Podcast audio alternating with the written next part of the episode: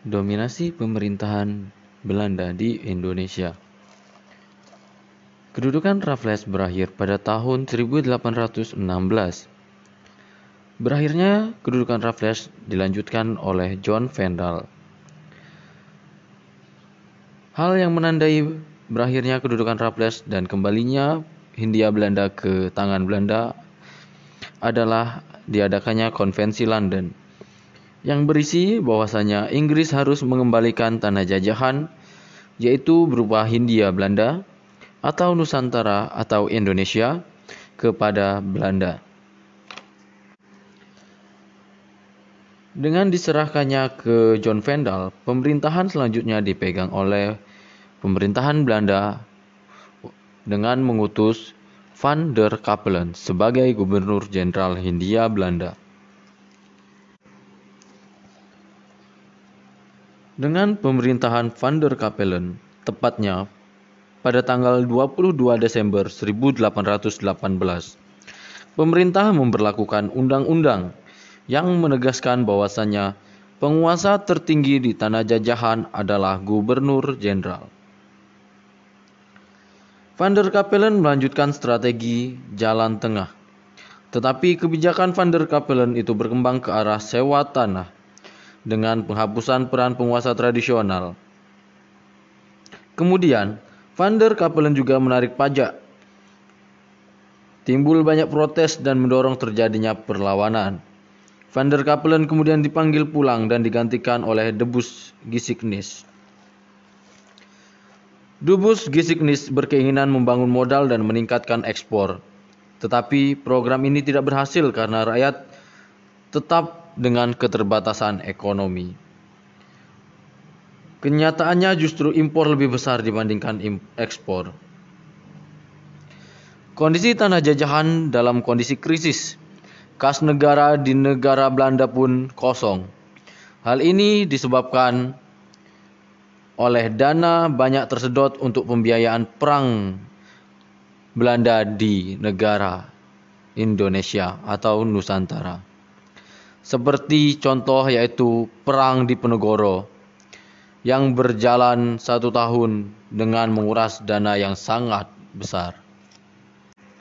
Sehingga untuk mengatasi dan mengatur keuangan tersebut diperlukan suatu lembaga keuangan yang bonafit. Oleh karena itu, sebagai bentuk persetujuannya Raja Belanda mengeluarkan oktroy atau hak istimewa dengan membentuk The Javas Bank pada tanggal 9 Desember 1826. Kemudian oleh Gubernur Jenderal Dubus Gisignis dikeluarkan surat keputusan nomor 25 tanggal 24 Desember 1828 tentang pendirian The Javas Bank. Pembentukan The Javas Bank ini sekaligus merupakan bentuk dukungan raja terhadap rencana pelaksanaan tanam paksa di Indonesia.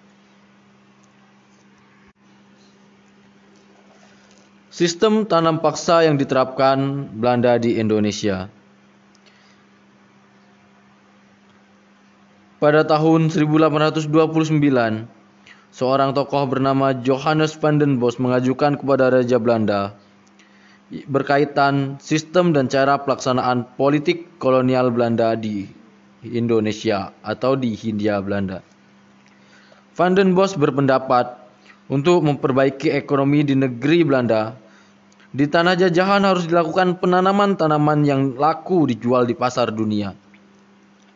Sesuai dengan keadaan di negeri Indonesia, maka sistem penanaman harus dikembangkan dengan memanfaatkan kebiasaan kaum pribumi atau petani, yaitu dengan cara kerja rodi atau kerja paksa. Oleh karena itu, penanaman yang dilakukan para petani bersifat wajib. Kita orang Indonesia menyebut sistem ini dengan nama sistem tanam paksa. Van den Bos menggunakan prinsip bahwa daerah jajahan itu fungsinya sebagai tempat mengambil keuntungan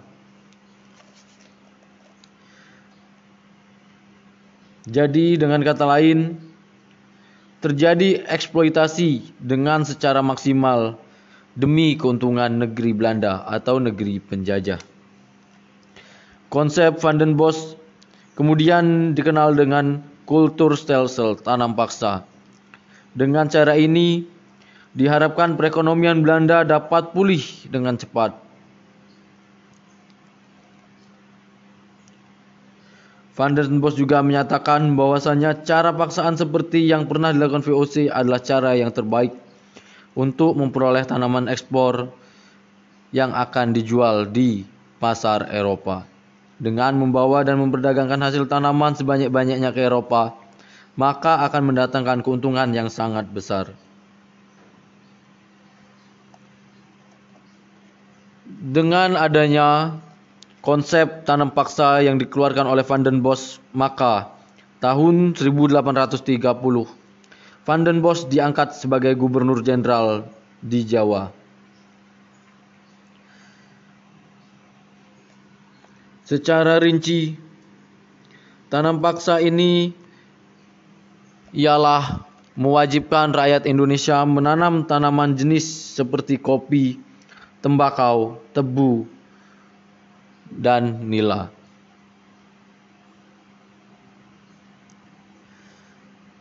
Begitu juga ketentuan tanam paksa itu termuat dalam Statsblad tahun 1834 nomor 22 yang berisi penduduk menyediakan sebagian dari tanahnya untuk pelaksanaan tanam paksa. Kedua, tanah pertanian yang disediakan penduduk untuk pelaksanaan tanam paksa tidak boleh melebihi seperlima dari tanah pertanian yang dimiliki penduduk desa. Ketiga, Waktu dan pekerjaan yang diperlukan untuk menanam tanaman tanam paksa tidak boleh melebihi pekerjaan yang diperlukan untuk menanam padi. 4.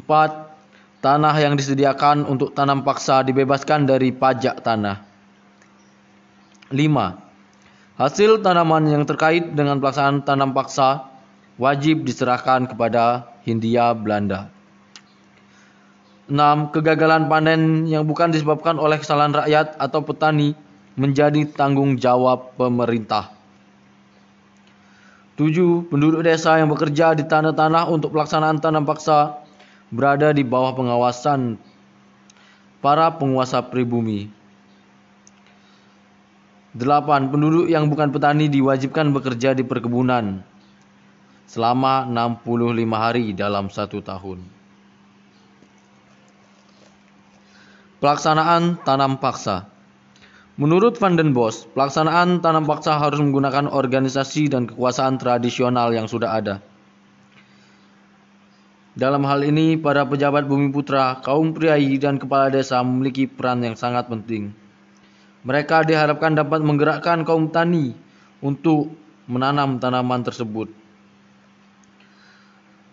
Berkaitan dengan pengerahan hal tersebut, melalui sambatan gotong royong maupun gugur gunung merupakan usaha yang dilakukan oleh para penguasa pribumi, priai maupun kepala desa.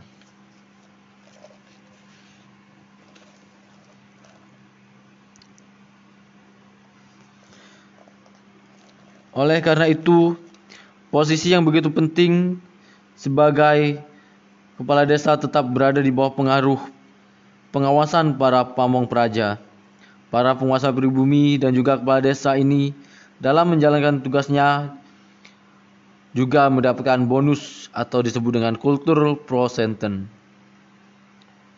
Demi mendapatkan kultur prosenten inilah kemudian mendorong terjadinya berbagai penyelewengan dalam tanam paksa. Seperti satu, menuntut ketentuan tanah pertanian yang disediakan penduduk untuk kepentingan tanam paksa tidak melebihi seperlima dari tanah pertanian yang dimiliki petani. Tetapi kenyataannya lebih dari seperlima. Menurut ketentuan waktu yang diperlukan untuk menanam tanaman paksa ini tidak boleh melebihi waktu untuk menanam padi. Ternyata dalam pelaksanaannya, waktu yang digunakan untuk menanam tanaman tersebut melebihi waktu penanaman padi.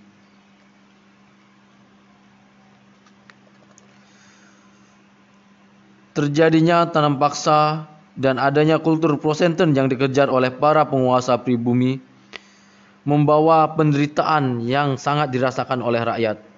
Banyak pekerja yang jatuh sakit bahkan meninggal. Mereka dipaksa fokus bekerja untuk menanam tanaman paksa. Sehingga nasib sendiri dan keluarganya tidak terurus. Bahkan kemudian timbul bahaya kelaparan dan kematian di berbagai daerah. Misalnya di Cirebon, di Demak, dan Gerobokan pada tahun 1850. Pelaksanaan tanam paksa ini dapat dikatakan telah melanggar hak asasi manusia yang harus diakui beberapa manfaat adanya tanam paksa seperti dikenalkannya berbagai macam jenis tanaman baru, dibangunnya berbagai saluran irigasi, dibangunnya jalan rel kereta api, dan berbagai fasilitas lainnya.